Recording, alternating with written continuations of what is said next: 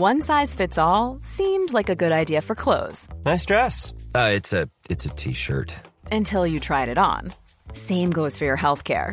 That's why United Healthcare offers a variety of flexible, budget friendly coverage for medical, vision, dental, and more. So, whether you're between jobs, coming off a parent's plan, or even missed open enrollment, you can find the plan that fits you best. Find out more about United Healthcare coverage at uh1.com. That's uh1.com.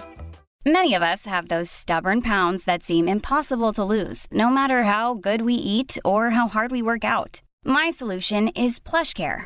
PlushCare is a leading telehealth provider with doctors who are there for you day and night to partner with you in your weight loss journey. They can prescribe FDA-approved weight loss medications like Wagovi and Zepbound for those who qualify. Plus, they accept most insurance plans. To get started, visit plushcare.com slash weight loss. That's plushcare.com slash weight loss.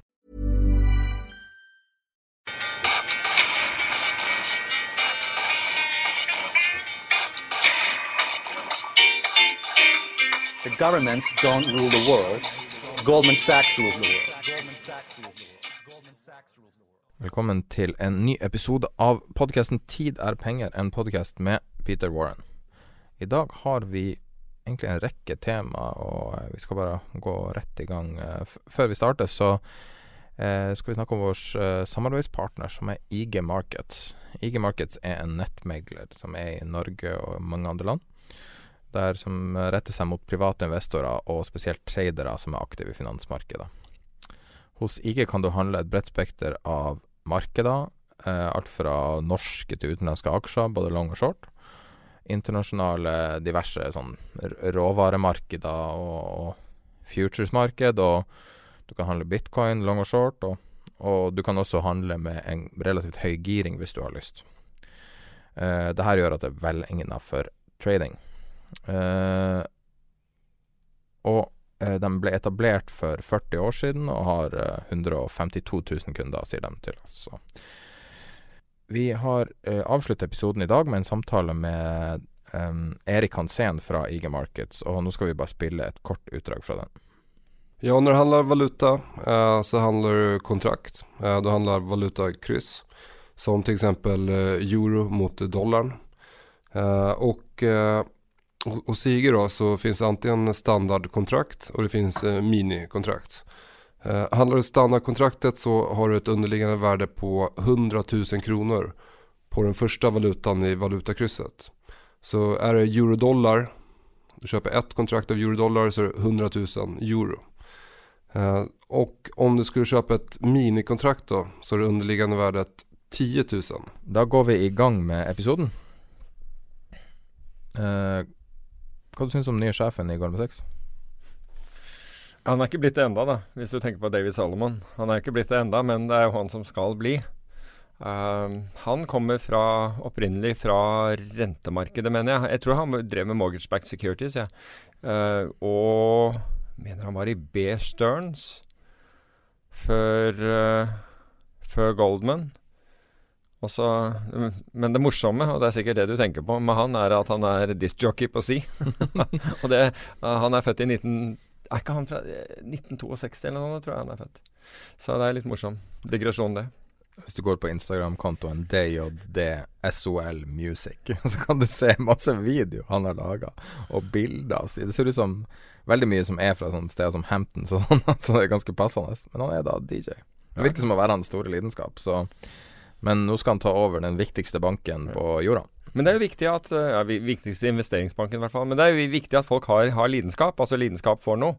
Som han da har med musikk og være DJ. Det, er- jeg syns at det er alltid er ålreit at, at folk har en, har en lidenskap, har en interesse uh, for ting. Kanskje også utenfor finans. Det er jo fint.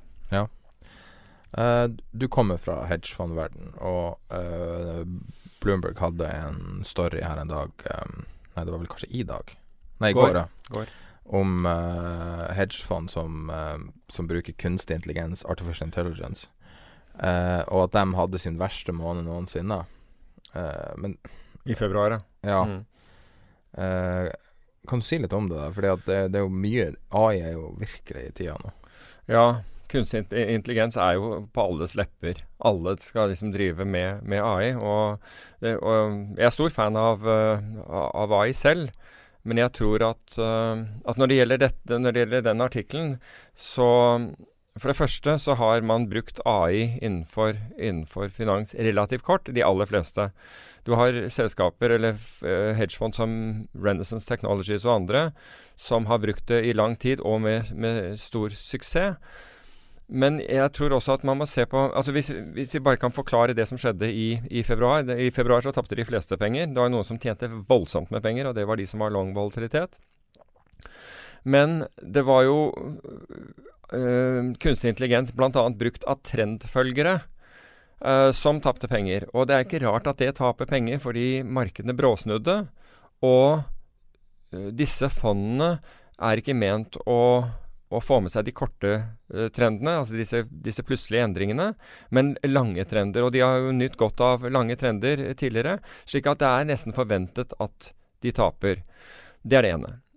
Det andre er hvordan vi Altså, folk sammenligner da jeg tror vi har snakket om det tidligere også, dette med å bruke kunstig intelligens.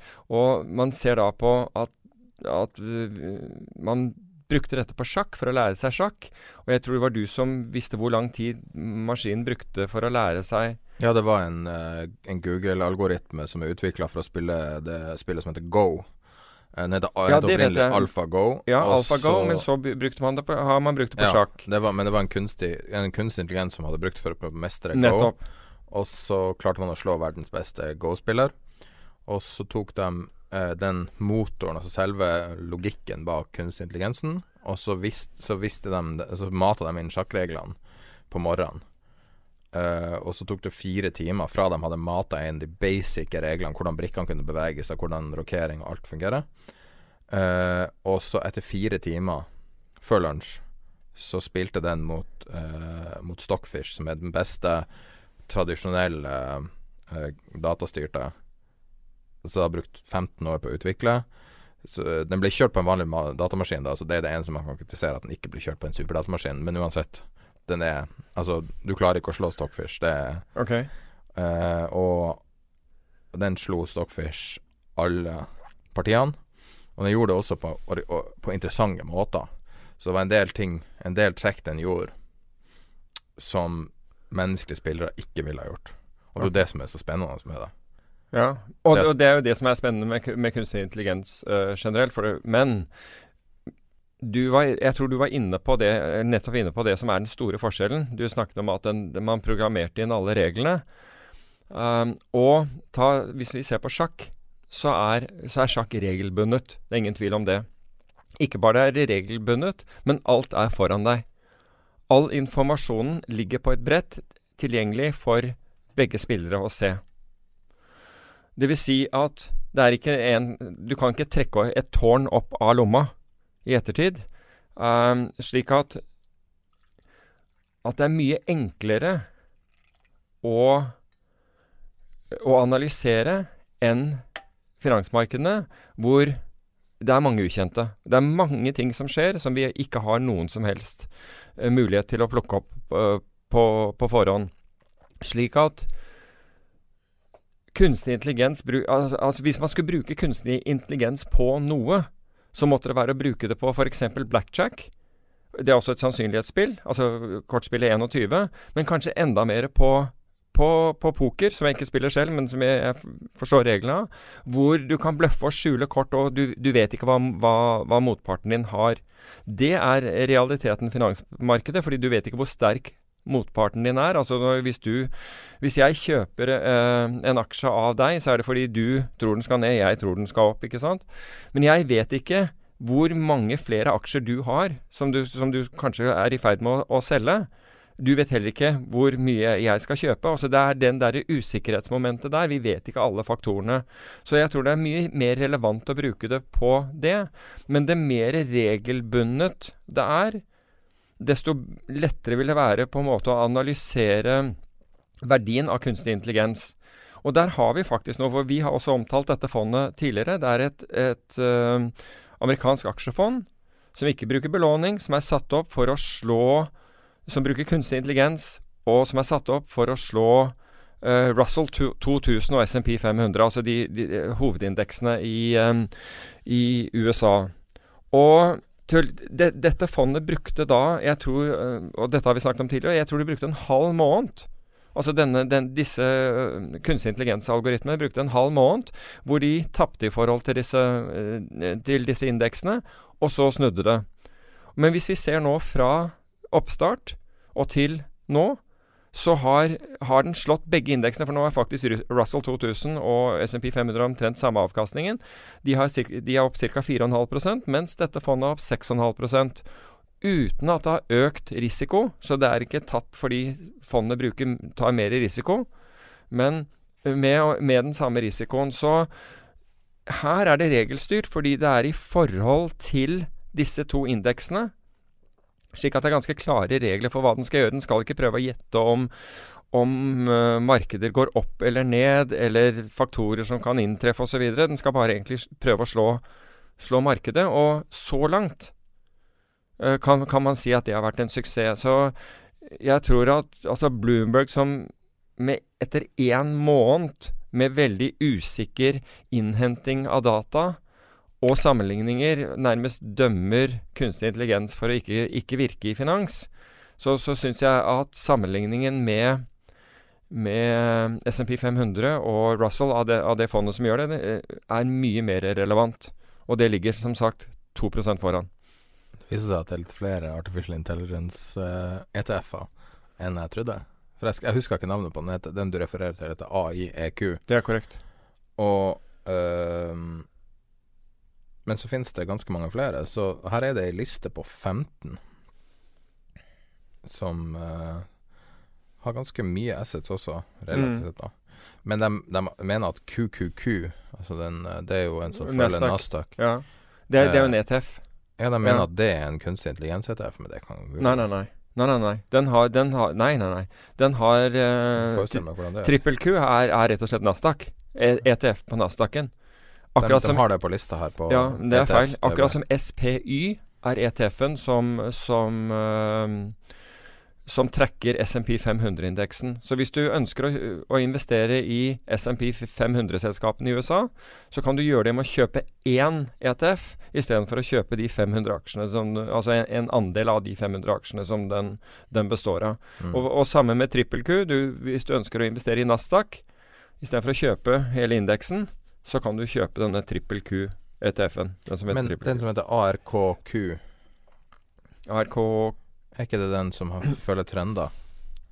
Jeg er ikke sikker. Vanskelig å huske med alle det. Ja, det er, det, det er, så mange. Og du må se litt på hva, hva, de er satt opp med, hva de forsøker å oppnå. Og det, det er jo det viktigste her. For ellers så bommer man fullstendig. Ja, nei, og selv, altså Vi har snakka mye om det her, og du har jo kan si, mer innsikt enn de fleste, og likevel er det vanskelig å huske altså, hva, hva de forskjellige tingene er.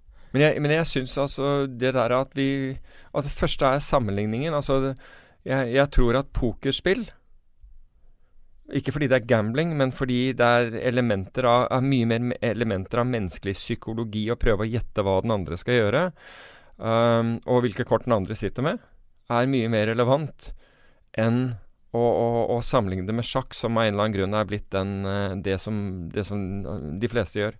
Jeg, jeg ser ikke den, den, den er helt regelbundet, og du ser alle, alt foran deg i, i sjakk, uh, mens markedet er annerledes.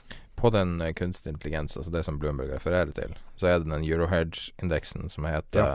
Uh, Nei, det er, ikke, det er Nei, Eurohedge, det er Eureka Hedge. Eureka Hedge, ja. Jeg leste det oppover. uh, da er det kunstig intelligens hedgefondindeksen deres. Men ja, gud men, vet hva som er Nei, altså det, den skal angivelig inneholde 15, 15, fond, men du vet ikke Altså inntil du vet hva de Altså kjenner til alle disse fondene, så er det vanskelig. Det er, men det er litt som hedgefond. En hedgefondindeks ja. er mindre relevant fordi at poenget med hedgefondet er jo nettopp at forvalteren er viktigere enn f.eks. Ja. et aksjefond strategien er viktigere. Den, den, skal ikke nødvendigvis tjene penger alltid. Du skal mer, mer ikke mm. korrelere med aksjemarkedet, f.eks. Ja, det er ganske interessant, fordi Hedge Nordic, som vi begge kjenner til Fordi eh, vi var jo der på Hedge Nordic Awards sammen for mange år siden. Det var i 2014. Um, men uh, nå ser jeg at, at fond som er innstilt til Hedgefond Awards der, det er flere av dem er rene long-fond. Mm. Altså, det er fond som bare f.eks. kjøper kredittobligasjoner. Det er jo ikke noe hedge i det. Fins ikke. Ikke sant? Og det er uprøvet, fordi øh, det markedet har steget liksom, i, i, flere år nå takket være kvantitative lettelser. Så du kan si at jeg syns industrien er i ferd med å utvanne seg selv. Og det er derfor det blir obskurt, enda mer obskurt, for investorer å forstå hva de faktisk eh, investerer i, mm. enn tidligere. Til tross for liksom, at myndighetene Altså alt myndighetene har gjort, det er jo å forby visse investorer å gjøre visse ting.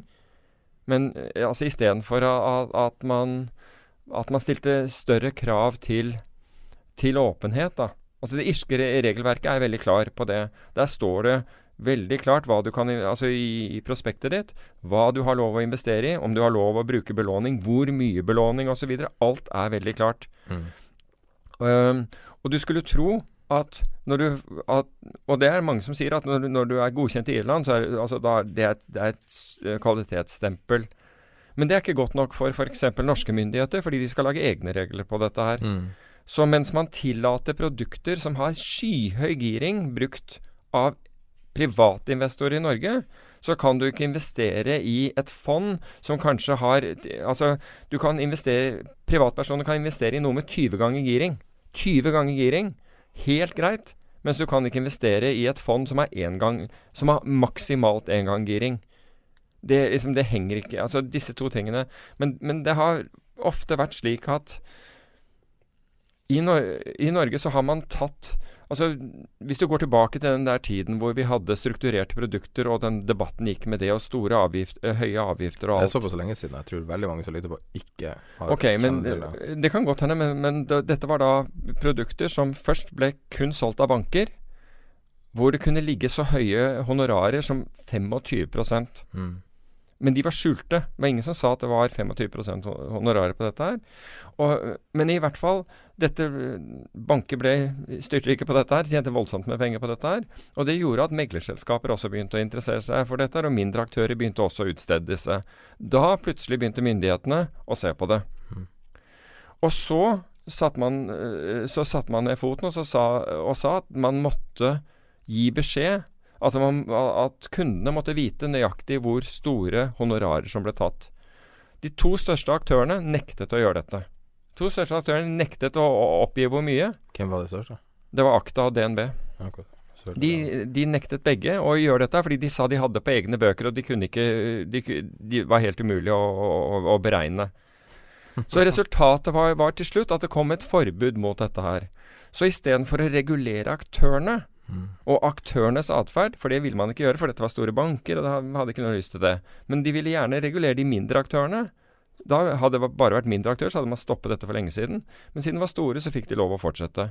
Og så til slutt så ble det forbudt.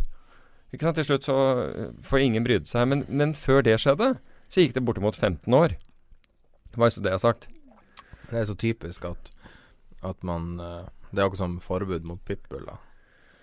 Altså jeg skjønner hvorfor de gjør det, men det hadde jo vært mye lettere å regulere f.eks. hundeeierskap. Men å bare forby én, så ser det ut som du gjør noe. Ja, men, men, du kan si at det samme gjelder jo i dag. Altså Hvis du regulerer Altså, du har mulighet til å regulere aktørene. Og du kan ta de som gjør, altså, gjør noe galt. Men hvis det er banker og store som gjør det, så gjør de det ikke. Så til slutt så, så, så, stanser de et eller annet produkt. Men jeg tror dette er årsaken til at 42% av de som blir spurt, sier at de er mer, altså bedriftsledere sier at de er mer redd for regulering enn noe annet, inkludert terrorisme og nedgang i, uh, nedgang i økonomien. Regulering er det de er redd for. Ja. Verden har fått med seg det du nevnte forrige gang. Kanskje det mest bekymringsfulle nå på, på årevis, som er ja. Libor og IS. Ah, ja. Riktig. Som du nevnte i forrige episode, da klarte jeg ikke å finne ei henvisning til det noen plasser, og nå er det overalt. Ja. Så da gratulerer jeg med å være tidlig ute der. Ja. Um, over toppen fra 2016, og nå er vi på 2012-nivå, og det er ikke lenge til vi er over 2012-toppen heller. Nei, og, og Libor og IS-bredden, den, den egentlig måler tilliten bankene har til hverandre. Altså med andre ord, er, er, banker villige til å låne penger til hverandre, og hvilken pris tar de for det? Og hvilken pris um, tar de på en måte over Libor for å låne hverandre, hverandre penger. Uh, OIS-bredden den, den, den, går rett og slett på renten. Mens Libor den, den går jo da på, også på hovedstolen. Så det er forskjellen mellom det å være kun rente, altså utsatt for uh, konsekvensene av en renteendring kontra kredittrisiko. Uh, og her ser vi at bankene er blitt my mye mer forsiktige, og de skal ha mye mer for å, uh, nå større margin for å låne hverandre penger. Men dette ble også plukket opp, så jeg var det i for, forrige uke eller ti dager siden i Dagens Næringsliv, men gikk syns å gå folk hus forbi, for da var det en bankanalytiker som nettopp påpekte at det var blitt dyrere for bankene å låne penger. Og det er ikke dyrere fordi Libor, eller Nibor har gått opp, men det er, det er dyrere fordi Uh, fordi påslaget er blitt større. Risikopåslaget. Risikopåslaget er blitt større. Og det er klart at det er Men ja, som du Plutselig sier Plutselig så er risikopåslaget 1 Ja, men, men så, som, du, du helt, som du påpeker, nå er det plutselig blitt mange som er våknet opp av dvalen og blitt klar over det.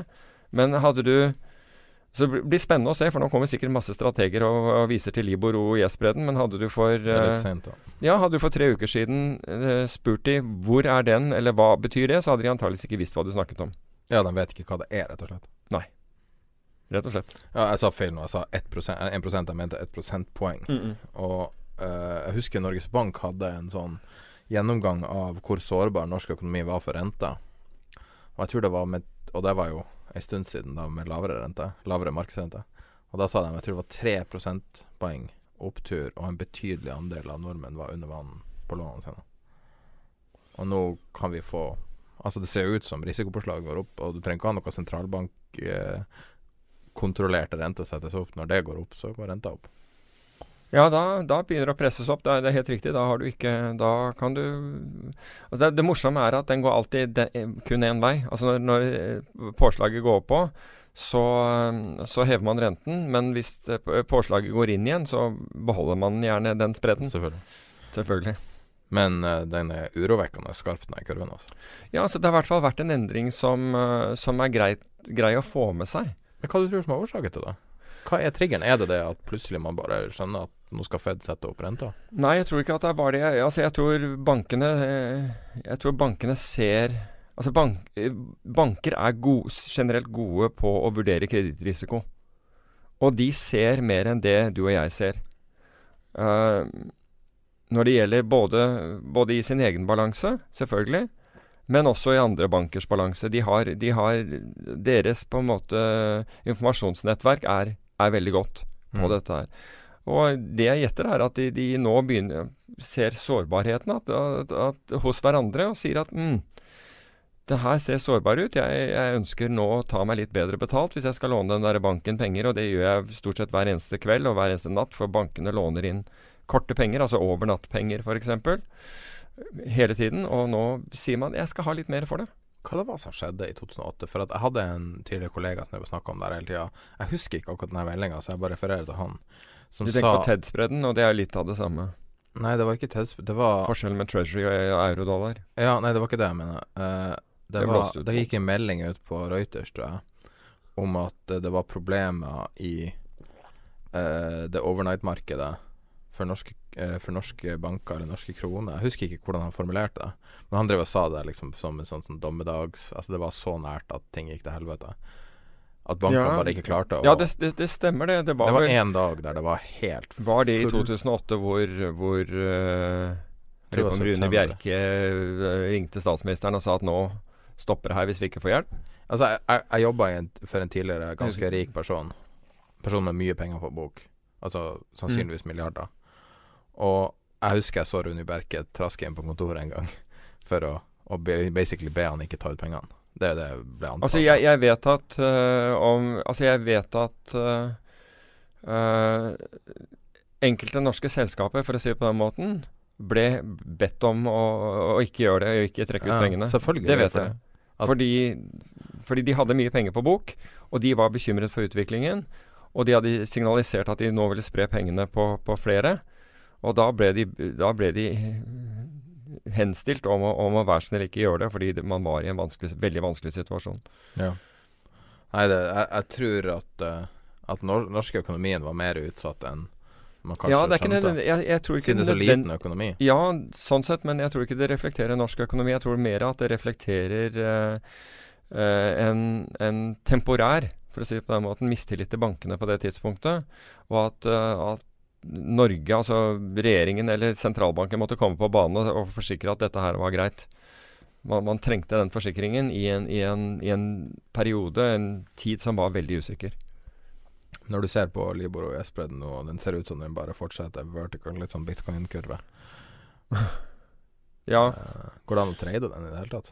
Nei, altså du, du kan jo trade Tedspread og Libor og, og, og mye annet, men, men rente- Hva sier du? Lang rente, liksom. Ja, altså Ja, du, du må jo ja, ja, riktig. Altså, du må jo være Du må Altså, det er mange måter du kan trade på. Du kan være, altså, det er det samme som å være short f.eks. treasuries, da, altså statsobligasjoner.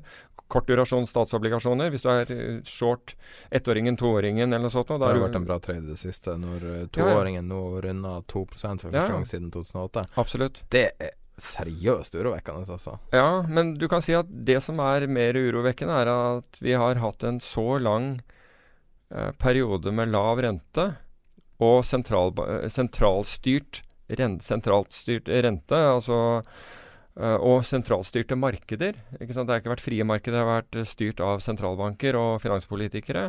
At folk har sovnet altså, i stolen Mm. og sagt at ja, men det, altså, mange som er der ute i dag, har aldri opplevd noe annet. Har aldri opplevd noe annet enn en fallende, enn en fallende rente. Nei, altså, hvis du er en 34 år gammel strateg Hvis du er en 25 år gammel strateg Nei, men tenker jeg hvordan 34 år gammel, hvis du er det, og du hadde litt lang utdannelse, så har du aldri vært med på det, noe lignende. Så. Nei, men har du vært 25 år, og det finnes strateger som er, av en eller annen grunn som er 25 år, så ikke sant? Så da var, ja, men alvorlig talt, da, da var du 15 år. Når, når, når vi hadde siste fin- finanskrise, du fikk antageligvis ikke det store med deg der. Og siden det så har du sett fallende rente og, og, og fallende kredittspredder. Altså, Ja, altså- hvordan du skal Ja, men altså, se på rentenivået. Du trenger, du trenger ikke å være så ung heller. Siden Men- jeg ble skal du født, så har jo renta beveget seg i retning. Men poenget er at, at du skal ha mer enn gjennomsnittlig historieinteresse for å, liksom, å, å kunne være forberedt på en, en utvikling som er annerledes. For det, det er alt du er programmert med. Ja.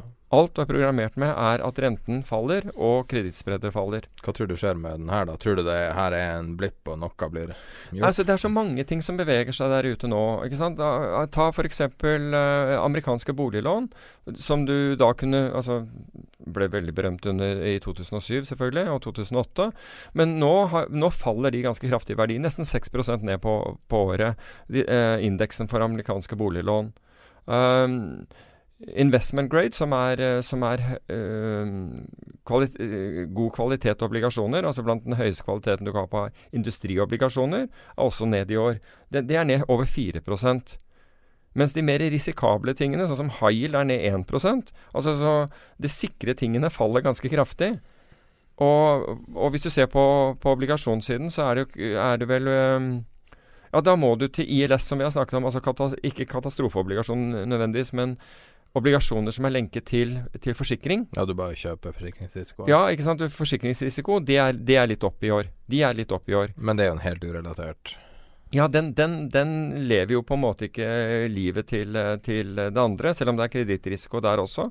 Men, eh, men det lever et litt annet liv. Men det andre tingene har, er ned. Men det, det er litt sånn, altså Nå har eh, Hvis vi ser tilbake til mai Altså det var jo mars vi starta å ta opp podkasten, men så første kom vel ut i mai, tror jeg, i fjor. Så ser du på hva vi har snakka om. Du snakka om Vixen. Du har snakka om Vixen i mange år, men nå snakker du om Vixen mye, veldig tydelig. Ja, det var fordi Vixen var kommet Altså nå hvor vi tok den opp nå Altså Vixen har Jeg har jo tradet Vix i veldig mange år. ja. Men hvorfor vi tok opp Vixen i podkasten, var fordi den var Altså den som måler volatiliteten, svingningene i uh, amerikanske aksjeopsjoner, eh, var kommet på, på et så lavt nivå at, at, at vi forsto ikke eh, at den var på så lavt nivå, punkt én. Og vi forsto heller ikke at eh, hvem, hvem som drev og solgte den. Det var det som var interessant med den, var at den var kommet på et nivå hvor du skulle kjøpe den, ikke selge den. Så mm. det var årsaken at vi tok opp det. Men hvis du ser tilbake, så ser du på eh, nå, liksom, hvis du tar det liksom videre og hopper gjennom en del forskjellige indikatorer som du har påpekt, så har du den Libor OES-bredden. Mm. Det er vanskelig å, å være positiv nå, men det er også Altså Man blir på en måte lei av å, å være Det er jo det man kaller Cassandra-syndromet. Altså du, du advarer mot Ingen vil høre dine advarsler om eh, på en måte dommedagen som kommer. Nei, men det, altså, jeg opplever jo den der altså når du, når, når du får en sånn Ta f.eks. i februar en sånn kraftig eh, korreksjon i markedet. Og jeg var positiv i den. Altså, altså når den var kommet langt nok ned, så var jeg positiv. Så, så ingen vil høre på det heller. Nei. Men, men når da markedene begynte å stige, så drukner du tre dager etterpå i, eh, i, eh, i, i, folk som hiver seg på og sier at å, det var bare å kjøpe det i farene over og alt, alt, dette her. Altså Poengene med, også med Vixen, det er, jo, det er jo på en måte å ikke gjøre det som er superdumt å gjøre. Mm. Ikke sant? Altså ikke gjør det Og, og med Vixen så Altså når, når et sånt Vix-produkt som vi har snakket om tidligere, faller 96% på en dag, så må folk skjønne at det der var antageligvis Altså Hvis du kunne bare unngå disse ekstremt dumme tingene og gjøre Men, men ta f.eks. bitcoin, som nå ligger under 10 000. Som ligger og, på og ingen bryr seg om det lenger. Nei, ikke, hele poenget mitt. Ikke sant? På 19 000, på 15 16 17 18 og 19 000 skal alle ha den. Alle har den.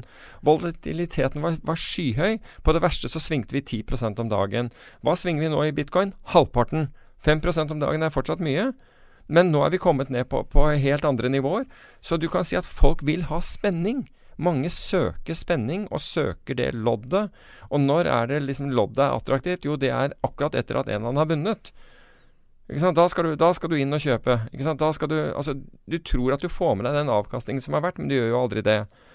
Og når dette svinger som mest, så får det mest, mest omtale. Og da, er, da, skal alle være med. Men det er da du skal liksom tenke deg om. Er dette her lurt? Men vi så det på lyttertallene. Vi lagde en episode, ja. en gammel episode om uh, bitcoin. Mm.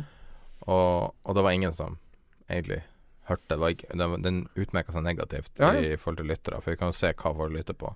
Sånn at hvis man uh, husker det var en episode som heter å tjene penger på penger, som handler om valutatrading, og da var det litt sånn spekulativt. Jeg syntes det var artig å lage den tittelen, for jeg visste at Og da var det nevøen min på Kan det 12 eller 13 år det var den første episoden han klikka på. For han ville høre på, han lurte på hva det var der. Han visste ikke helt hva podcast var. Altså.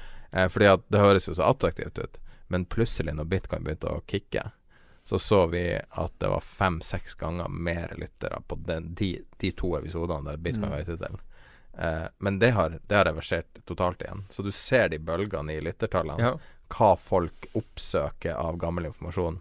Men går bitcoin over 20 000 dollar nå, skal jeg love deg at der, da er det full full mania igjen. Altså da, da, alle, da, kommer de samme susende ja. og, og, skal ha det. det noe, altså poenget er at folk vil ikke ha det når det er billig, men de vil veldig gjerne ha det når det er dyrt. Men du sa det på, til meg på, på sånn uh, eh, SMS en gang, at du var kjøper av bitcoin på 6000 dollar. Mente mm. du det, eller var det bare tull? Nei.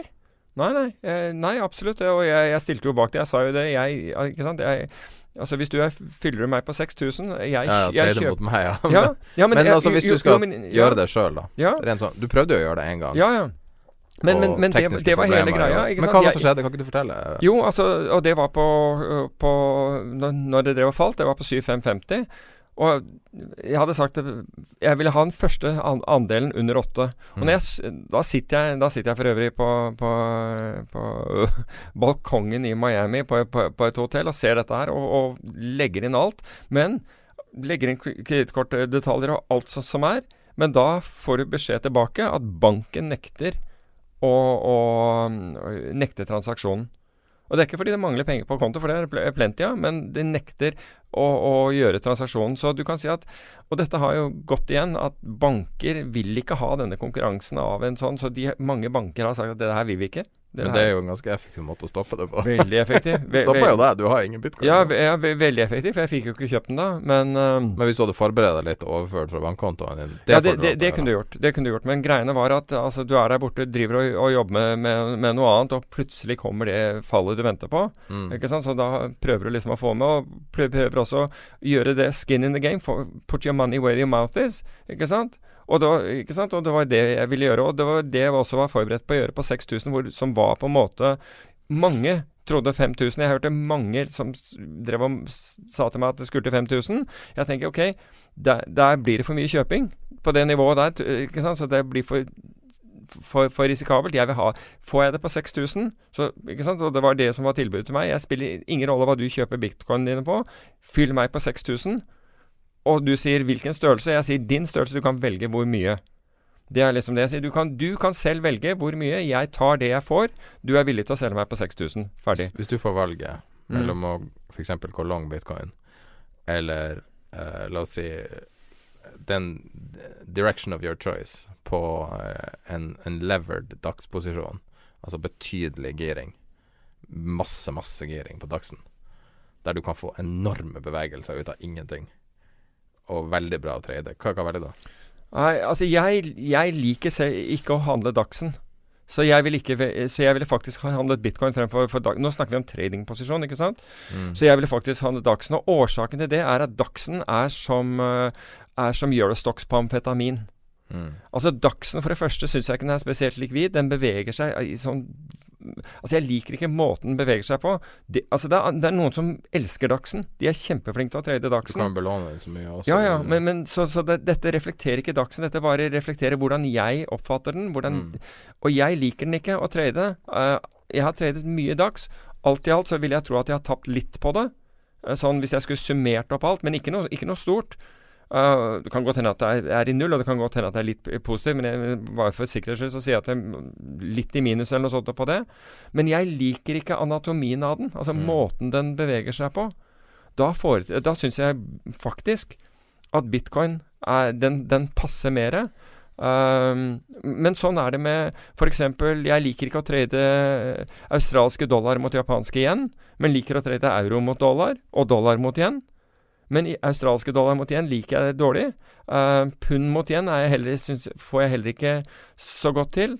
Um, hva var det jeg hadde Jo, apropos det. Jeg var, jeg var i sin tid dårlig til å trade kabel, altså pund mot dollar. Der tjente jeg aldri penger i spot. Men når jeg, når, når jeg begynte å trade den eh, med opsjoner, så klarte jeg å tjene penger. Så jeg tradet uh, kabel med, med, med opsjoner, og da tjente jeg godt med penger på den. I dag tjener, jeg penger uh, på spot-kabel også. Um, så det er en av de jeg følger med, men jeg, men jeg har redusert antallet ned til for, Altså, jeg liker euro mot yen, er jeg heller ikke veldig fan av. Noen syns den er veldig bra, men jeg tredde euro, dollar, dollar yen, australske dollar mot, uh, mot amerikanske dollar. Og, og, er, er euro, opp de mest likvide, da. og euro mot pund, ja, det, ja, de er blant de mest likvide. Jeg liker de, og har sjaltet bort. Og, jeg, og det er bare datainnsamling. Hva med norske kroner mot euro, f.eks.? Går det an? Ja, men jeg, ikke for meg. Altså, av og til.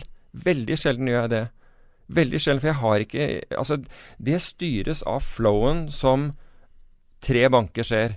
Og de bankene er DNB, Nordea og, og, og SE-banken. kan- Muligens også Danske Bank, så si fire, da. Fire på en måte styrer den flowen. Det er de som får de store ordrene. Jeg får de ikke. Jeg har ikke tilgang til dem. Hvor mange timer er det mellom en ordre og en ordre som er plassert i markedet? Kan Ja, det men være det, det kommer an på, ikke sant. Altså hver dag En industriell ordre kan jo være ganske lang tid. Ja, det kan være, men, men du kan si at stort sett så gjør, får de beskjed om å gjøre ting i løpet av dagen. Jo, men et fiskemottak f.eks., sånn klassisk sånn, eller, eller en industri Jo, men da kommer det an på de, hvilket hedging-program de bruker. Men ta Norges Bank, da, som kommer inn hver dag og forteller hvor mye de skal selge eller kjøpe av utenlandsk valuta. Du vet stort sett hvilken side de er på, du vet hvilket klokkeslett de kommer på.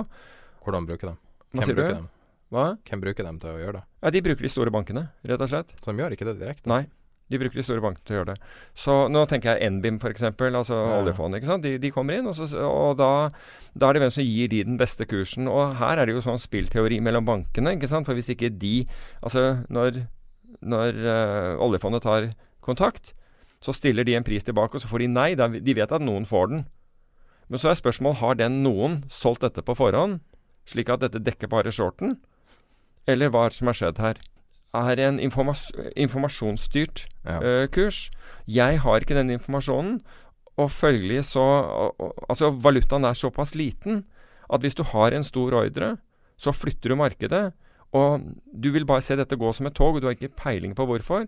Og på toppen av det hele så har du folk som GSAM, altså Goldman Sachs Active um, Sorry, Goldman Sachs Asset Management, altså forvaltningsselskapet som Goldman har som forvalter kundene deres midler. Når de snur f.eks. i norske kroner, så blir alle overkjørt. Til og med de norske bankene. Mm. Så du kan si at um, Og ikke ta long term capital. Altså all, da blir absolutt alle overkjørt. Og den største norske banken taper 900 millioner kroner på dette her. Så store beløp går. Så min greie der er at jeg der mens i euro og dollar så kan det være en svær selger av euro mot dollar, f.eks. For forsikringsselskap i, i, i Hongkong som av en eller annen grunn skal ut av et stort beløp. Men det er mye mer norm normalfordelt, fordi det kan være tagere andre på et annet sted. Og folk vil ikke bakke av. De vil bare si wow, her kan jeg få kjøpt mye euro uten å flytte kursen. Ja. La meg bare stå der. Så, så derfor så Men altså, det fins et fond i, i Oslo som, som trader som trader disse nordiske Som trader norske kroner veldig mye, og, og de får det til.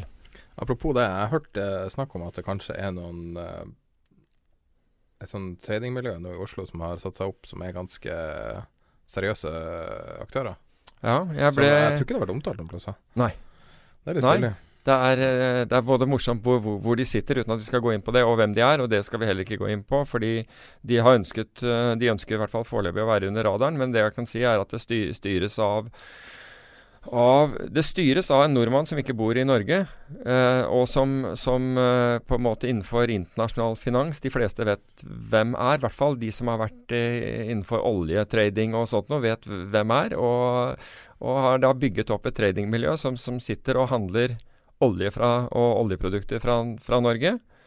Um, og også andre ting. Hvorfor sitter de i Norge? Det må jo være skatte, Det, skattemessig det vet jeg ikke. Det aner, jeg aner ikke hvorfor man har uh, valgt Norge. Jeg tror kanskje fordi det er, det, er jo, det er jo flere utlendinger som jobber der. Og disse utlendingene har alle norske koner eller kjærester. Jesus Christ, Ja. alltid det samme. altså. Ja, det av en eller annen grunn. Men, øh, men og, og slik at de ønsker å bo her. Og i dag er det globalt. Ikke sant? I dag er, har du globalisering, slik at dette er ikke noe problem. Men hvis du har en trading floor eller noe lignende Men sjefen styrer alt fra en iPad. Det er sant. Han styrer hele, hele businessen sin. Altså Han har business over ø, ø, flere land i Norge, men han styrer dette fra en iPad som han går med. Hvor mange eh, kroner tror du går gjennom den iPaden i løpet av en dag? Nei, det vet jeg ikke. Det vet jeg ikke. Men, men altså, de, men, altså er de han Gjett er, et tall, da. Milliard? Ja, det tror jeg vel sikkert. Altså, det skal ikke så mye til for å handle Altså, hvis du er Hvis du trader, så skal det ikke så mye til å handle for, for en milliard om dagen. Uh, litt avhengig av Altså, vi gjorde det, uh, så det var ikke noe Altså, det er ikke noe grunn til å tro at ikke disse gjør det. Absolutt ikke. Altså, Du kan handle for en milliard dollar om dagen. Men hvis det er egne penger, så er det litt annerledes. Nei, fordi du kan, det kommer an på hva slags bevegelser du er ute etter. Ja. Ikke sant? Altså Hvis du tar de minste bevegelsene Men de, de gjør ikke det. Altså de, Disse er ikke intradag-tradere, bare så det er sagt. Kult. Um, Det er artig at det finnes sånn i Norge. Det er jo utrolig lite Det morsomme er at det går helt under radaren, men, men de, de tar altså Bare så det er sagt, bare så vi ikke skal få at folk begynner å spekulere på at, eh, at det er noe uregulert som skjer. Disse tar ikke imot penger fra, fra, fra utenforstående. Det er jo som å ha et kontor i Norge. Det er, altså som å bare- ha, det er som å ha et kontor i Norge. De, de forvalter ikke andre menneskers penger. Mm. Eller, eller tilbyr seg å gjøre det, eller gir råd, eller noe sånt. De driver kun med egne penger. ja. Så det er det de driver med. Men ja, det er morsomt at det er i, i Norge, og, og vi har begge smilt av hvor, hvor, hvor, hvor de sitter hen, men vi skal la være å avsløre hvem de er, eller hvor de sitter. Apropos størrelse, da. Rett før vi starta, så så jeg at Volkswagen har sikra seg 25 milliarder dollar i altså, tilgang på batteriproduksjon. Ja, vil det si li ah, ikke, ikke, eh, på selve produksjonen, ikke, på, ikke bare på litium? supplies. Mhm. Så det er jo råvarer, og det, altså, det er jo alt fra jeg si, kobber i kablene til alt, altså. mm. Altså, Kobolt, kobber, litium, den type ting. Ja. Ja. Altså det basic uh, 16 fabrikker de skal rigge opp nå, fra tre. Jeg sa til deg nå The big guys are on the way into this market. Big time. Ja, men herregud. Vi, long eh, Volkswagen short Tesla, altså. Jesus. Ja, Hvordan kan eh, den konkurrere kan- med det her? Nei, ifølge, ifølge det, det jeg anser som industrieksperter. eh, og det er folk som på en måte er ambassadører for noen av de største, eh, største eh, bilprodusentene i, i verden. Så, så kan de ikke det. De, de, de kan ikke det. Og nå annonserte Mercedes at de kommer hel el. Og hva var det BMW sa? At, de, at det var et eller annet år de sa at alt kommer til å være el. Så ja, jeg, var, jeg var en telefon fra å kjøpe en fossildrevet bil. Da, da, jeg, da, jeg, da, jeg, fikk besøk av her, to av disse ambassadørene, som da begge sa til meg du må ikke finne på å gjøre det. Ikke gjøre. det. Vi har sett inn i fremtiden, vi vet hva som kommer. Og det de to sa, det har vist seg å holde stikk. Så langt. Så Men det ser ut som tallet faktisk er enda større. 50 milliarder euro i batterikapasitet. Og de skal ha flere dusin flere modeller. Altså basically alle Volkswagen-modeller. Ja, ja. Altså hele konsernet så er det jo uh, en betydelig andel av uh, Porsche kommer med det. Så ja, Porsche er noe ja, Volkswagen, Panamera, ja, ja, en Panamera så jeg nå skulle komme helelektrisk, og liksom, eller i hvert fall lignet den på en Panamera. Mm. Ikke sikker på at det, det, er det den heter, men uh, Ja, jeg lurer på hvor alle bilene skal I huset her skal de installere ladder og Ja, men jeg bare sier at folk går, går liksom mann av huset nå for å sikre seg elbiler. Men nå kommer det jo altså såpass mye at, eh, at det blir et ordentlig utvalg av det også, ikke sant? Nei, det er jo rekkevidden fortsatt, altså. Ja. Altså i det her helveteskulda. Så en Tesla, for eksempel, en sånn modell X som jeg har sett på, Mm. eh, så sa de at rekkevidden blir redusert med 45% i kulda. Ok. Det er ganske brutalt, altså. Men jeg må jo si og det bilen. Men, men, men la meg liksom eh, komme en sånn derre poke in, in, in, til deg der. Fordi altså, du var jo nesten nærmest en Tesla-hater jeg er det fortsatt. Ja, men du var ikke det, vet du. Når, når du satt i en sånn derre X, så, så Nei, altså det er jo dri Jeg har aldri vi, vi- Jeg har aldri sagt at, Da ringte du og mente vi, vi, vi burde ta og bestille sånne tvert. Ja, men, Så- ja, men det det som er poenget her, er at, at å kjøre elbil uansett Jeg hadde en elbil før, og det var den beste opplevelsen. Men det er når det går, den ene gangen det går galt. Det er det Ja. som er så jævlig. Så det virker som at alle de folkene som, som nå skal si at, at jeg skal erstatte det, de ikke forstår hvor store utfordringer det er den ene gangen det går galt. Jeg vet det, men, ødelegger jo men jeg, hele jeg hadde uka, griseflaks selv, altså med en fos fossildrevet bil her, her forleden. For jeg bruker den daglig og hadde akkurat vært på fjellet med den. Kom hjem, og så brukte jeg den øh, dagen etter. Og morgenen etter der, så er ikke, starteren ikke i det hele tatt. Det er ikke noe. Men du glemte lyset på. Nei. Vet du hva? Nei, vet du hva? Det var, det var selvfølgelig det Døra åpen, Nei, vet du hva? Det var det man sjekket. Nei, for vi fikk jo svar på det. Ok. Det, altså, klarte ikke å starte den. Klarte ikke å lade den. Klarte, ja. Fikk ikke ladet den. Klarte ikke å starte den med, med en annen bil. Og til slutt så kom NAF. Og de måtte ha ikke, Da hjalp det ikke med det der kjempestartbatteriet de har i den spesialbilen sin. Men de måtte koble den til spesialbilen og bruke det batteriet. Da fikk vi start på den. Mm. Og så sier han karen fra NAF at uh, la meg måle ladingen. Og Det målte han, og den ladet jo alt. Så da sa han la, la bilen gå i en time, så, så er alt i orden. Og jeg lot den gå atskillig lenger enn det. Vred på lysbryteren. Bilen slukna tvert. Stoppa igjen. Kortslutning. Så liksom fikk døtta dette her inn i garasjen, og, og så Jeg hadde jo kjøpt helt nytt batteri, så han mente han at det var kortsluttet i, i batteriet. Uh, og batteriet var, var et år gammelt. 100 ampere batteri, så det var relativt kraftig. Ja, helt sant. Jesus. Ja, det kostet. Men i hvert fall, når de da kom med et nytt batteri til meg, så man, måtte vi dytte bilen frem, og så hev mekanikeren seg baki. Vet du hva det var? Fordi batteriet var bak. Takk og lov at jeg ikke prøvde å starte med en bil med mer, mer moderne elektronikk. Kan vi advare mot det også, fordi folk, Vann. Folk, vet, folk ber deg om å du Kan du hjelpe meg å starte bilen? Ikke sant? Med Ja, det må du Aldri gjøre. De fortalte at det var, var en kar med en Mercedes som han skulle hjelpe en eller annen som sto. Det kostet 90 000 kroner i reparasjoner på Mercedesen. Jeg stoppa en syvserie nettopp for å gjøre det. Ja. Så det skal man ikke gjøre. Men hva Men var det som sa? løs batteripol. Men det var det jeg sa til Ja, jeg deg. Jeg sa det til deg. Det skjedde med meg også. Jeg vet det at du sa det, men du kan jeg sa det med en gang Ja. at det, ta, skrujern og skru det fast. ja, Men, men grei Vet du det hvorfor det skjer? Det, Det, skjer pga. brøytinga i Oslo. Fordi brøytinga i Oslo er så dårlig, så bilene hopper av gårde bort. det er ikke noen noe brøyting i Oslo. Når, så, det, er det brøyting i Oslo? Nei, når det ikke brøytes i Oslo, Ja, så er det sånn her eh, isfugler. Og så hopper bor- bilen bortover, og så hopper den der batterigreia av. Der er jeg bor, ser det ut som et sånn testområde for stridsvogner. Mm. Så gærent er det å kjøre der. Det er helt sjukt. Så, så ja, det kan godt hende. Men i hvert fall, det var det, det det var, så du hadde rett. Men du man måtte jo skru... Hvorfor sa du ikke at jeg hadde rett? Jeg, jeg, jeg, vi har ikke snakket om det siden, men, men nå, nå fikk du det på lufta, så det, må jo være bra. Men, eh, men, eh, men det som var veldig hyggelig av dette verkstedet, ja. som er et verksted som jeg har, eh, har brukt mange ganger, det var at eh, Fordi vi installerte et nytt batteri, selv om vi skjønte at den der Polen var, så sa han for sikkerhets skyld, så, så, så tester vi det gamle batteriet ditt, og så gir vi deg et nytt et nå. Og så skal vi finne en ålreit pris for det. Og det var at han, sjefen for batteri, for batteri, si, sjefen for verkstedet ringte meg dagen etter, og så sa han at eh, det, det gamle batteriet ditt var helt ok. Eh, Så det var ikke noe galt med det. Men han sa vi byttet jo dette for et år siden, og vi kan ikke utelukke at vi ikke dro det til eh, Skrudde det til nok, altså skrudde Strammet det nok. Så vi tar den der, så batteriet er ditt, du, du slipper å betale. 3000-4000 kroner. Ja, det, ja, men det var utrolig hyggelig gjort av han. På 100 Så- batteriet batteri så koster Hva sier du? 100 ampere koster Så, så, så nå, det var reklamen for Mekonomen, som nå dessverre har flyttet til, den, dette, til Sarpsborg. Det lå oppe på Ringveien før, like ved Storo. Men han har flyttet til Sarpsborg, så han fortjener en honnør. Nordhagen heter han. Nå har vi Men uansett eh, Long eh, Volkswagen og hele konsernet. Jeg liker det.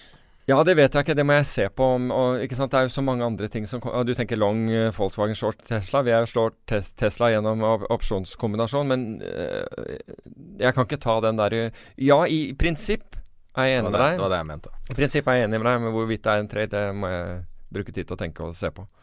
Uh, så på, så på balansen til Bundesbank, den tyske sentralbanken. uh, som er rekordstor, selvfølgelig. Ja. 913 000 milliarder euro. Og det De skylder den siste lille bumpen på Italia og valget og gud vet. Ja. Nå, nå er det jo sånn at sentralbankbalansene til alle land som har deltatt i kvantitative lettelser, USA, Sveits, Japan, Kina, Sverige eh, og, og eh, Den europeiske sentralbank, Bundesbank inkludert, er rekordhøye, da. Mm. Er rekordhøye eh, nettopp pga. disse kvantitative lettelsene. Det er vel egentlig ikke noe å si om det. Det her er jo bare noe Nei. helt utesta. Det er ja, helt utesta, og gjelden er rekordhøy rundt Mm. omkring. Vi har aldri liksom, Dette her skal jo på en eller annen måte reverseres. Lykke til med det. Men uh, det blir spennende å se. Men uh, igjen, det skaper muligheter. Alle disse tingene. Det er som du sa, utestet. Det betyr at liksom det helt sikkert blir noen muligheter ut av dette Ja. her òg. Enten innenfor rentemarkedet, eller forskjellen mellom rentemarkedet og aksjemarkedet, eller andre ting. Det blir muligheter. Se på den eh, du sendte meg et chart på Fundflows. Jeg vet ikke om det var fra forrige uke, eller om det var Ja, de, at det ja. selges ut av high yield og amerikanske aksjer. Sel ja. Og du kan si at uh, Men det er litt morsomt. Altså, nå skal vi ikke gå tilbake til viksen, men det morsomme her er at den økte volatiliteten, eller den lave volatiliteten, ikke sant, lav volatilitet, gjorde at risikohåndteringssystemer som, som øh, banker har, og fond har, videre, sa at de kunne ta veldig mye risiko. For svingningene var så lave, og det betyr Mm. at du kunne ta veldig mye risiko. Hva skjer da når risikoen øker, altså måltallet øker, som det gjorde da i januar og februar? Jo, det sier at oi, vi har altfor mye risiko. Vi er nødt til å selge.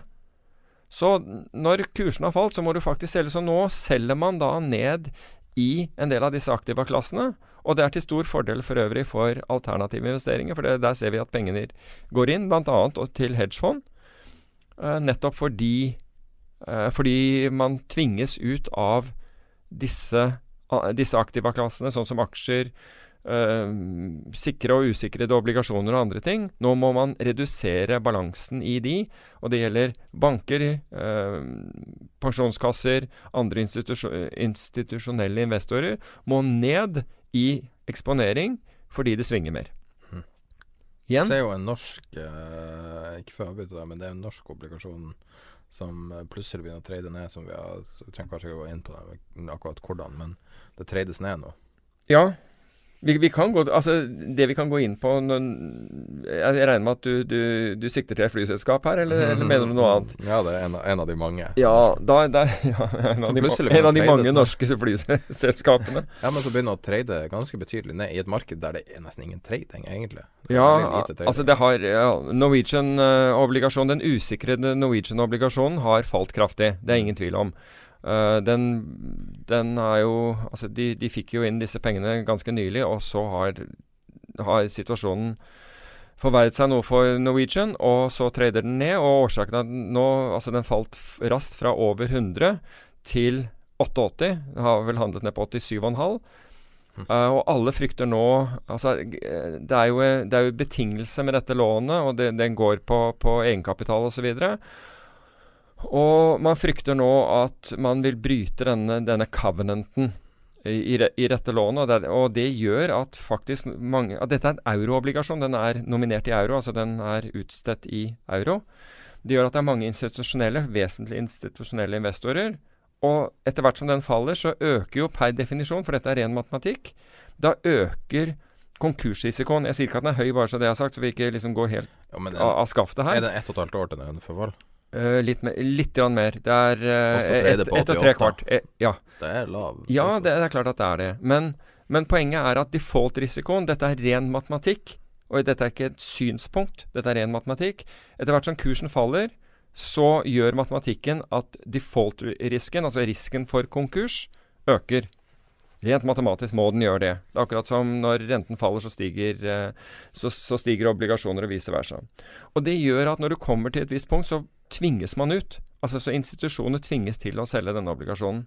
Så når, When it rains, it pours. Altså det blir Altså du får en sånn Det er dyrt å være fattig. ja, du får en selvforsterkende effekt. Det er det ene. ikke sant? Og da vil det være pensjonskasser som ikke lenger kan sitte på det lånet, for de har ikke lov.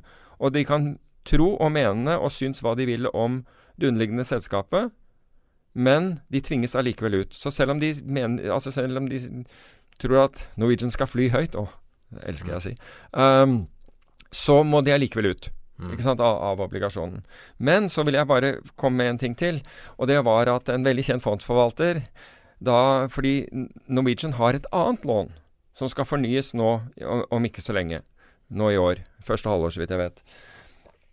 Så han mente da at det ville de ikke kunne gjøre fordi, no, fordi ingen kunne finansiere seg til 16% rente. Det hadde man ikke råd til.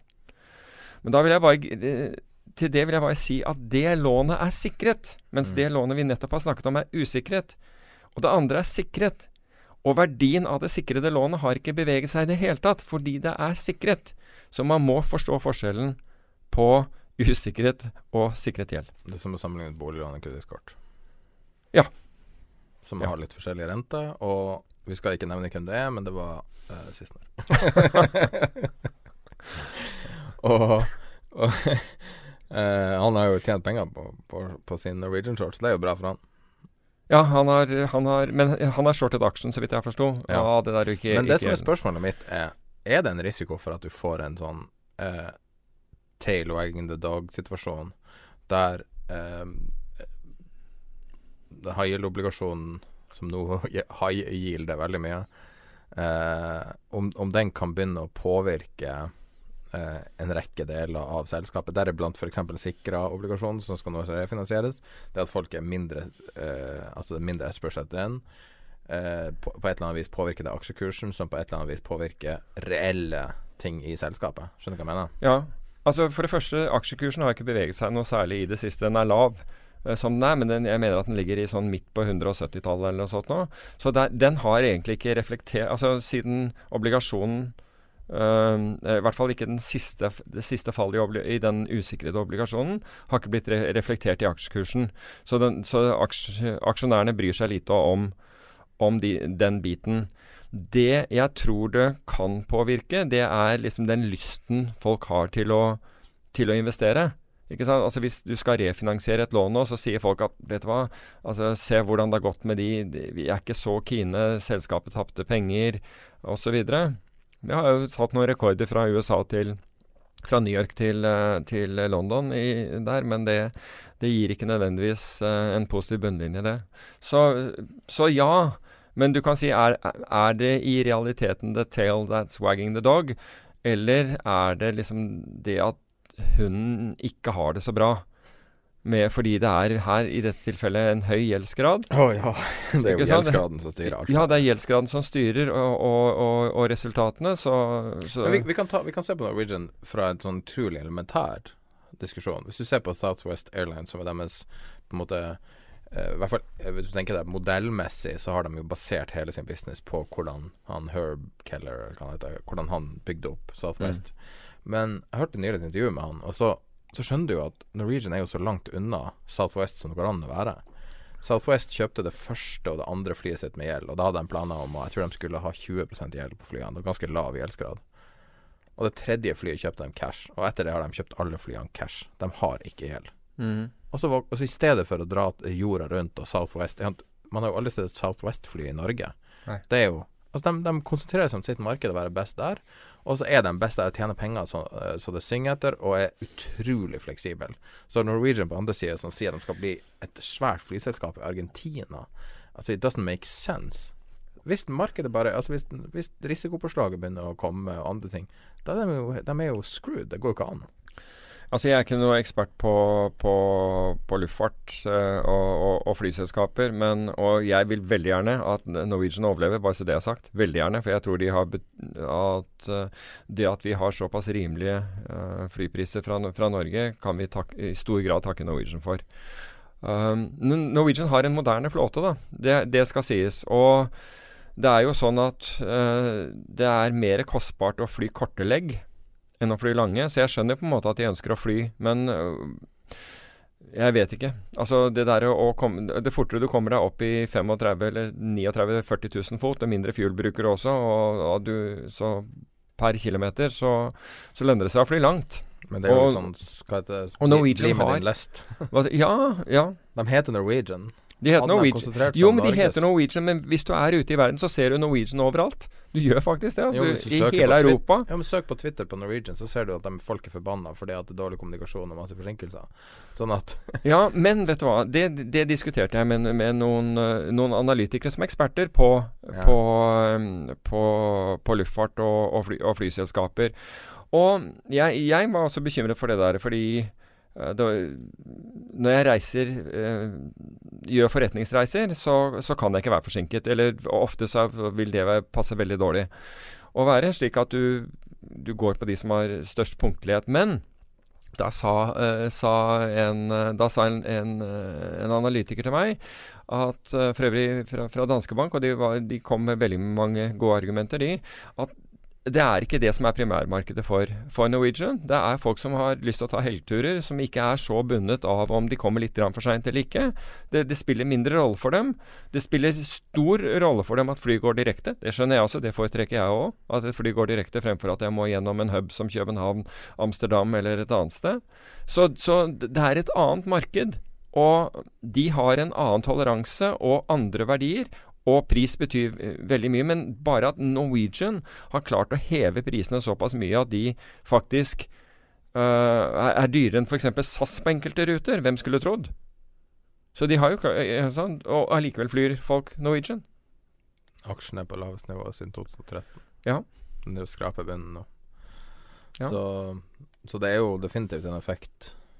Det er mye negative storyer internasjonalt også, som sikkert påvirker internasjonale investorer sitt syn på det. Men jeg-. Bloomberg har jo kjørt en store en, og jeg husker ikke om det var CNBC som hadde en veldig krass kr- krass, krass artikler om Norwegian og sine evner. Men altså, jeg, jeg husker jeg, jeg satt på et Norwegian-fly på vei til Barcelona. Og de har jo internett om bord, og, og jeg var på en sånn app der sånn for, og, og så hva som, hva som beveget seg i luftrommet. Og det var forbausende hvor mange Norwegian-fly Mm. faktisk var i luftrommet.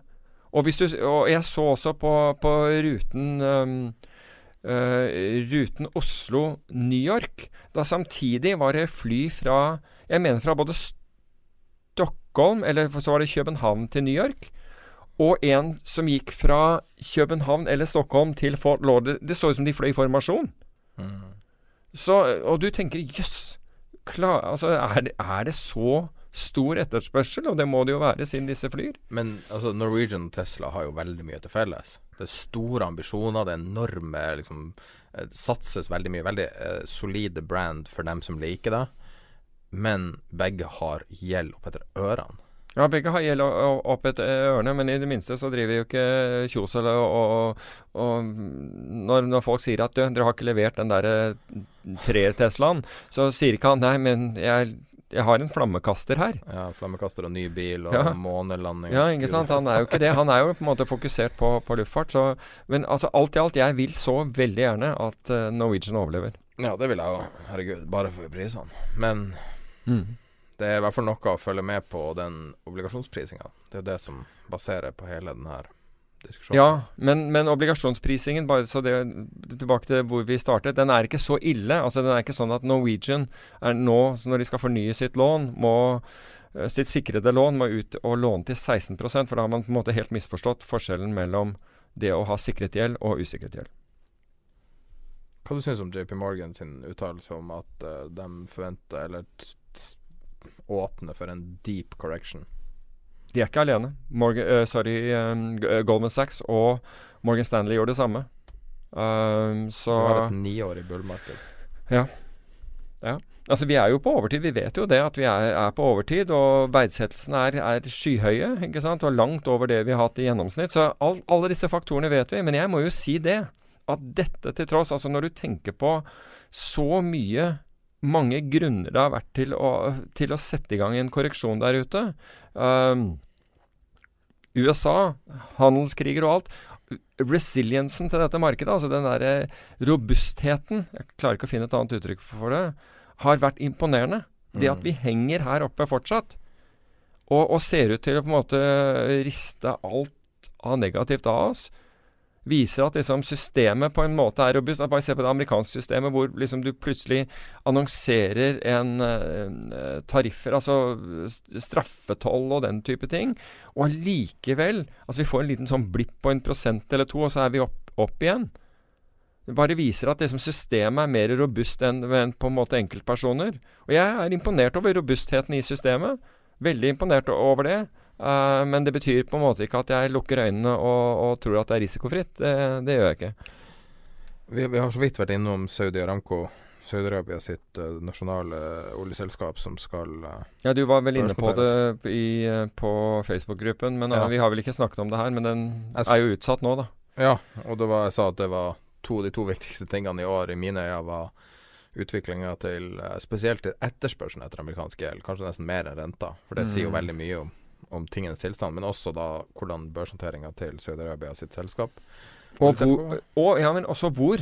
ikke sant? Fordi det har jo vært en sånn, det har vært en sånn konkurransesak mellom en hel haug av børser. Alle vil ha den listingen. Men det blir vel en parallellisting, er det ikke det som er Jo, men hvor, hvor blir liksom hovedlistingen hen? Og London kjemper jo med nebb og klør, fordi det trenger de med brexit. Og du så nå at uh, Hvem var det som sa Hongkong og New York og London? Ja. Ja, men hvem var det som nå nettopp sa på vegne av eh, de store investeringsbankene nå, som sa opp en rekke mennesker i London og sa at de uh, ville ikke fornye disse stillingene, og har begynt å flytte eh, ting til, eh, til eh, Frankfurt. Så i forbindelse med det så blir jo, blir jo en sånn listing ganske viktig, hvis London får den. Men nå er den jo skjøvet ut til neste år. Jeg bare leser artikkelen her. Å ja, den, den skal faktisk noteres på deres eget selskap Det er deres egen børs. Ja, der òg. Ja, hva heter børsen i? Ria, det er ikke det? Hva heter børsen? Det vet jeg ikke. Tadavul. Med Ah, doble. Aldri hørt, aldri jo, hørt det. jeg, jeg har hørt det, men jeg har aldri egentlig tenkt noe Det må jo være et ekstremt lite marked, da. Hvis Dubai-børsen Ja, ja. er insignifikant, så er det i hvert fall ja, den her. ja, ja. Ehm, men den skal altså noteres i andre halvdel i år der, og så skal den noteres i utlandet senere. Det er det som er planen. Altså Slik jeg forsto nå, så har man på en måte hele den Alt er blitt Altså IPO-en, alt er blitt forskjøvet. Ja, den hadde planlagt, ja. Mm. Så, for at man skulle tro at det var parallelt. Ja. Her, her er snakk om eh, tusenvis av milliarder dollar i, som skal skifte. Mm. Og det er jo, men det er utrolig viktig pga. stabiliteten i Midtøsten. Det er jo Ja. det som gjør det her så interessant. Så det er ikke så mye å si, egentlig. Men Men, det- men, nei, det er signifikant at de utsetter. Ja, det er det. det, er det. Men, men akkurat i dag så kom jo liksom den Qualcomm, Broadcom-saken og det, ikke sant, som dukket opp, og hvor, hvor Trump ikke vil, vil at Broad, Men nå var det jo en hostile takeover mellom hvor Broadcom bød på, på Qualcomm også. Og av sikkerhetsmessige grunner, eller av sikkerhetspolitiske grunner, så vil ikke Så nekter Trump eh, Broadcom å kjøpe og overta eh, Qualcomm. Qualcomm er det amerikanske, og Broadcom er vel asiatisk? Ja, altså de er registrert i Singapore, men uh, Så de er registrert på så, Men jeg er litt usikker på hvem det er som står bak. Men det er jo av, av sikkerhetspolitiske grunner at man ikke vil det. Jeg syns bare det er positivt. Ja, altså det, det er ikke noe som, som forbauser meg, men det er vel andre gang, tror jeg, at amerikanerne har satt ned foten. I hvert fall for kjente Altså hvor det har vært kjente selskaper, hvor man sier at her er man ikke eh, Her av, av eh, mulighet for spionasje, for det er egentlig det man sier. Ja, Broadcom var for det, det hørtes jo veldig rart ut at det skulle være utenlandsk, men det var amerikansk. I Og så ble det en del av Broadcom Limited, Mm. som er eid av uh, Tan Hock Eng uh, trukket frem som uh, sentral i det. Er det han der karen med brillene? Det er jo en, en er han med brillene. Jo, du vet han er fra Singapore, som ser så distinkt ut. Nei, jeg er ikke sikker på. Nei, det var ikke han. Nei, det var han her som var avbilda nummer Tang Hong, Hong Hok Eng. Jeg tror neppe at det er broren til Arild Eng i Sunndal Collie, for å si det på den måten. Men det er interessant, da. Det er virkelig.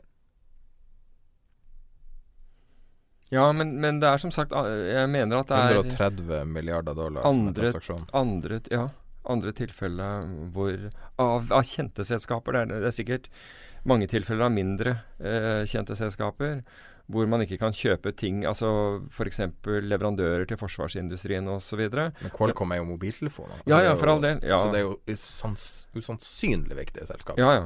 Absolutt. Så Men det sagt, altså enhver som etablerer seg Hvert selskap som etablerer seg i, i Midtøsten eller store deler av Asia, altså europeisk selskap eller amerikansk selskap, må, må åpne for at myndighetene kan ha det de kaller backdoors inn i systemet, slik at de kan avlytte avlytte uh, telesamtaler og den type ting.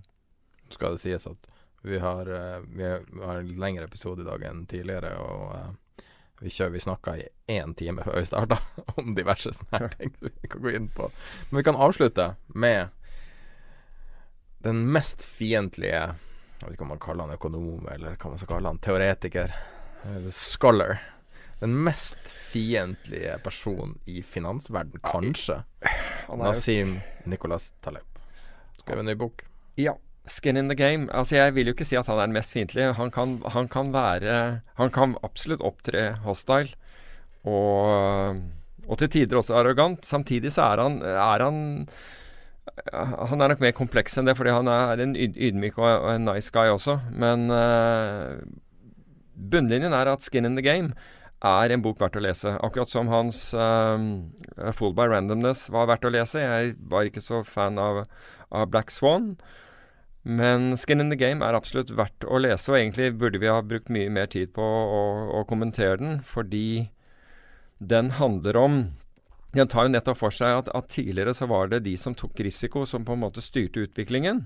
Altså de som på en måte øh, levde eller døde ved sine, sine, altså ved sine avgjørelser, som, tok, som, som styrte. Mens i dag så er det mellommannsapparatet eller de som ikke tar risiko, som styrer. Og politikere tar sjelden risiko, annet enn liksom politisk risiko, som ikke er deres egne, er et eksempel på det. Men også alle de som er involvert med å overføre risiko i dag. Altså Hvis du tar banker, meglerhus og den type, de overfører risiko fra en part til en annen. Og de er blitt på en måte de ledende innen for å bestemme hvordan finansmarkedet skal være. Mens de som tar risikoen, har mindre å si. Mm. De blir veldig sjelden hørt. Og det ser du også i, i, i høringer også. Det går til liksom folk som overfører risiko, ikke de som, som, som tar risiko. Det er jo det er tegn i tiden, antageligvis. Men føler du at du får noe ut av det? Jeg klarer ikke å lese ei Taleb-bok. Jeg klarer det Jo, jeg, jeg, altså jeg syns at Du kan si at veldig mye av, av, av boken altså blir ekstremt teoretisk og og til en viss grad unødvendig. Altså Det er jo lang en episode kun om religioner, f.eks., som syns litt unødvendig ut ifra konseptet. Fordi konseptet med skin in the game, det er at det koster deg noe å ta en avgjørelse. Mm.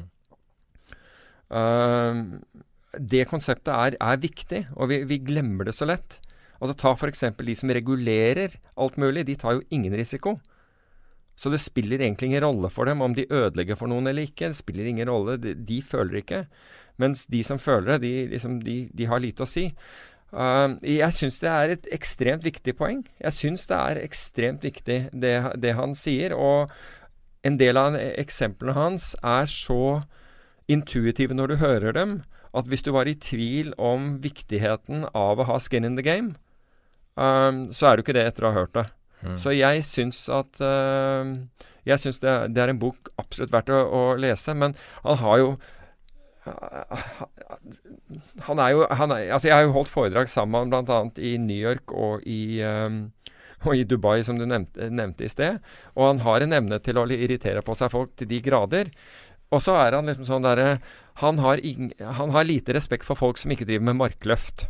Mm, jeg skulle til å si det, han elsker vektløfting. ja, hvor, hvor, hvor, where did that come Og det verste er at jeg kjenner en annen, som, altså en annen intellektuell, uh, som er riktignok medisiner, altså helt noe annet, men han er også helt sånn opptatt av vektløfting. Mm. Så hvor det der kommer fra, det er jeg litt sånn usikker på, men, men hvis du ikke liksom hvis du ikke klarer eh, noen hundre kilo i markløft, så når du ikke opp til Da har du ikke noe å si. Det er liksom litt merkelig. Joseph eh, Weisenthal i eh, Bloomberg uh, TV uh -huh. sa There's a part of me wants to read Og så har han Det her han skrev på Twitter, da. There's a part of me wants to read Taleb's new book about skin in the game, but I just don't think I can bear reading another airport business book. Og så har han tagga inn Taleb, bare sånn at du er være sikker på at han får se det her. Og så svarer Taleb da What make you What makes you What makes you label it as an airport business book, imbecile? Ja. is it impossible uh, Is it because I refuse to go on your show? Og det er liksom hans Hans øyeblikkelige reaksjon er å kalle han en imbecile. Og det er så fantastisk Det finnes så mange eksempler der han skjeller ut journalister. Og jeg må jo si at en del av meg elsker det. Ja, altså han gjør det. Han er han øh, Og da i, i Dubai så klarte han å, å og erte på seg liksom uh, de innfødte, altså, altså folk fra regionen der som, som drev uh, innenfor finans, til de grader at, at, det ble nesten opprør i salen. Men selv så Altså, han forsto ikke det, han. Fordi jeg, vi snakket sammen etterpå, og han forsto egentlig ikke at det der var så At folk ble, ble, så irritert og tok det på den måten. Men jeg forsto det veldig godt, fordi du tenkte wow, det her blir ikke godt mottatt. Og det ble det jo heller ikke. Men uh, men ham om det. Jeg, jeg syns jo at han er han er en spennende fyr, og ikke bare det, men han kommer til Oslo i juni, så Hvem? Uh, hva sier du? Hvem er det han kommer for? Han kommer i Sektor. Ja, sektor, skal ha, sektor har hatt han tidligere her. Uh, på, på sitt, sitt årlige, uh, årlige, seminar. Og han kommer nå i juni, så det er sikkert ikke noe hemmelighet, dette, dette her, så ingen blir forhåpentlig blir ikke noen Må betale litt for å høre på han. Hva sier du? Det koster jo litt å høre på han, skulle jeg tro. Nei, jeg tror det er by invitation only. Mm. Uh, så må hos, du bli kunde av sektor, så. Ja, altså, eller i hvert fall blir at du av en eller annen grunn blir invitert av dem. Uh, at du er kunde der, eller et eller. Men, men, nok om det. Men uh, altså, er, jeg syns han er veldig interessant. Han er kontroversiell, og så er han en person som sier det han mener. Uh, noen ganger er det kanskje vel brutalt, men Hva tror du hans net worth er, hvis du skal gjette? Det er jo vesentlig fra bøker og ikke fra markedet, for å si det på den måten. ja, for det er det. Han ville ha vært milliardær hvis han hadde holdt. Ja, men problemet var at han kunne ikke det. Altså, Hvis du går tilbake til Empirica, som var fondet ja. altså Bare for å ta den der altså, uh, Da jeg traff han første gang, så jobbet han for BNP Paribas. Og det er på 80-tallet, tidlig 80-tallet, hvor, hvor jeg treffer han første gangen. Um, så, treff, så, var jeg ute og besøkte Empirica. De satt i, um, de satt i Connecticut. Nær Greenwich, Connecticut. Eller nær. Jeg, jeg, tok toget til Greenwich og jeg tror 40 minutter med drosje, for det var ganske langt. For han satt i, i um, bygningen til Paloma Partners, som er et svært hedgefond, mm. og hadde, en, uh, hadde sitt der. Og det fondet, som var da det så antakeligvis verdens første tail risk-fond, som skulle på en måte tjene penger hvis det skjedde store svingninger i markedet. Um, der hadde han fått to store forsikringsselskap som sponsret det og, og, og, og ga ham penger. Og så kom det massevis av folk og, og investerte i det. Men det han gjorde, var at han kjøpte hver eneste dag kjøpte han opsjoner. Og det er klart, og dette var da i en, i en, en periode hvor det, hvor det ble roligere og roligere i markedet. Så opsjonene han kjøpte ble mindre og mindre verdt fordi volatiliteten falt. Men han tapte også fordi man brukte tidsverdien. ikke sant? Opsjonen hadde kort, stadig kortere tid til, til levetid. Så hver eneste dag så tapte man penger. I påvente av denne store bevegelsen. Og det som skjer, er at dette tar år. Og så innløser folk og innløser folk, og det blir mindre og mindre kapital. Og til slutt, så gi, tro det eller ei, da gir begge forsikringsselskapene opp også, disse store institusjonene. Og gjett hva som skjer nesten umiddelbart etterpå. Da smeller det. Den siste bæren blir bull, liksom. Det, Ja. Men nei, det har skjedd noe. Nå skal vi avslutte her, men det har skjedd noe akkurat nå. Har det? Trump har droppa Tillerson. Så nå utenriksministeren også. I midt i det her Sør-Nord-Korea-styret. Damn. Jeg har bare én ting å si om det. Damn, da har du det òg. Ok. Så Det Ja. Men det har vel aldri vært så store utskiftninger i noen administrasjon ever i USA. Stakkars vekk. Eh, Markedet, markedet gikk opp når uh, uh, SMP Future steg. Du tuller. Steg uh, Skal vi se Er du sikker? Ti det, er ikke poeng. ba, det er ikke bare Nei, det er opp nå, altså. på, på base av Tillerson slutter? Ja. Ja. Men stakkars Rick Tillerson. Han hadde den legacyen som selvfølgelig det ikke sånn Jo, men bil, altså, det, er, det, er, st- det, er større, det er jo større stabilitet i regjeringen i Mosambik enn det er i USA for tiden. Det er jo ganske interessant. Men who cares om uh, Trump lenger? Det virker jo som at det er ingen som bryr seg. Rett og slett. Ingen som bare det, Du reagerer ikke lenger engang. Så Men la, la, la eh, hvis, Et sannhetsord fra, fra um, Taleb på, på til, Helt til slutt. Og det er The more you have to lose, the more fragile you are. Og det er sant. Gull er opp, sølv er opp, eurodoll Nei, euro er opp. Uh, Er det noe som er ned, eller? Annet enn uh, en Tillerson? Future Alt er opp! Ut fra det jeg kan se, men noe med det Jeg bare tok sånn veldig Futse litt ned. Bitcoin er flatt. Her er en, en, en annen bra en. When some, dette er fra, fra Taleb. When someone gives you his economic views, don't tell me what, what you think, just tell me what's, your, what's in your portfolio. Mm. Så sant. Så sant. CIA-sjefen som tar over. Ja, det er jo en naturlig gang. Det er jo veldig vanlig at CIA-sjefen blir utenriksminister som blir eh, president.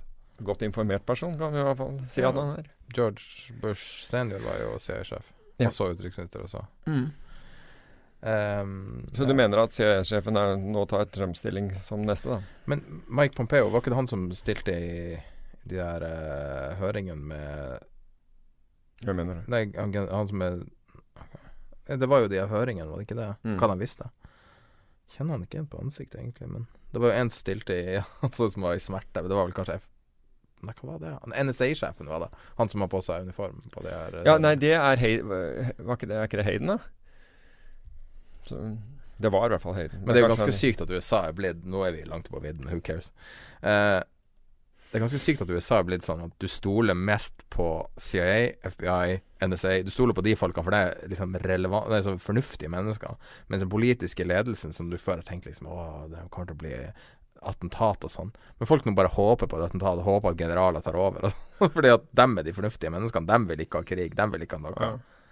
Mens eh, tullingen på toppen sitter der og er helt uberegnelig. Får jeg ta en siste Taleb? Ja, Og her er- How to spot an intellectual yet idiot. Altså en fyr som er intellektuell, men er en idiot.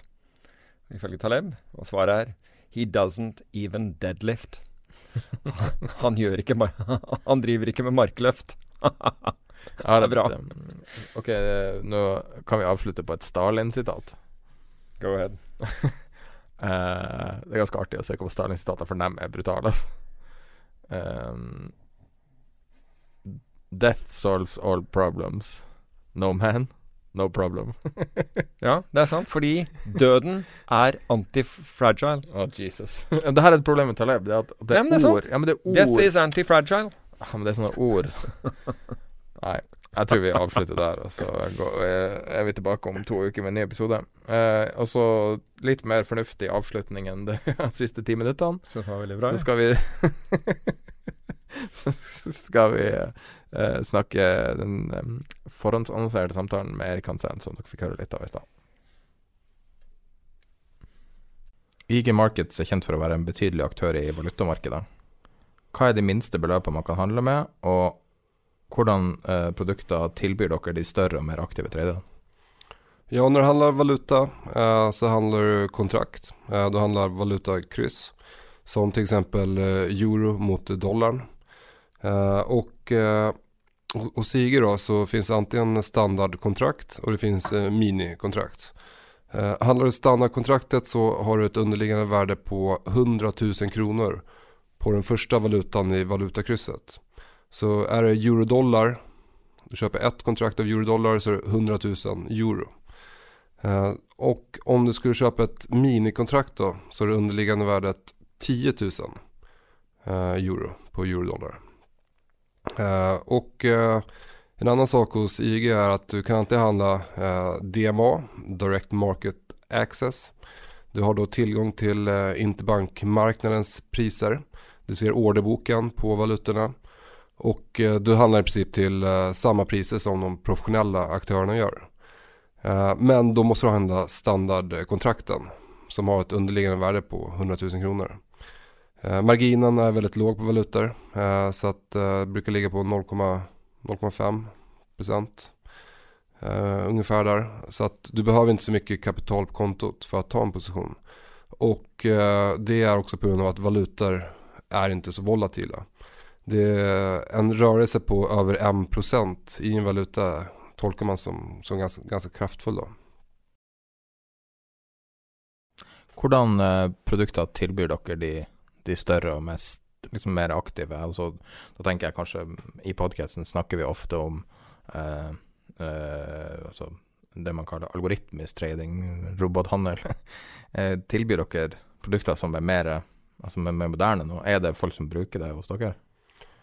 Ja, vi erbjuder jo en eh, analys og handelsapplikasjon som heter Pro Realtime. Där kan man köra algoritmiska uh, tradingstrategier. Och det är väldigt vanligt att köra de här algoritmiska tradingstrategierna just på till exempel eurodollar eller eh, dollar mot yenen eller eh, DAX, Tysklands eh, futuren där. Just för att det är en väldigt eh, låg, eh, låga transaktionskostnader. Eh, vilket är nödvändigt då när man handlar eh, mycket. Planning for your next trip? Elevate your travel style with Quince. Quince has all the jet setting essentials you'll want for your next getaway, like European linen, premium luggage options, buttery soft Italian leather bags, and so much more. And it's all priced at 50 to 80% less than similar brands. Plus, Quince only works with factories that use safe and ethical manufacturing practices. Pack your bags with high-quality essentials you'll be wearing for vacations to come with Quince. Go to quince.com slash trip for free shipping and 365-day returns.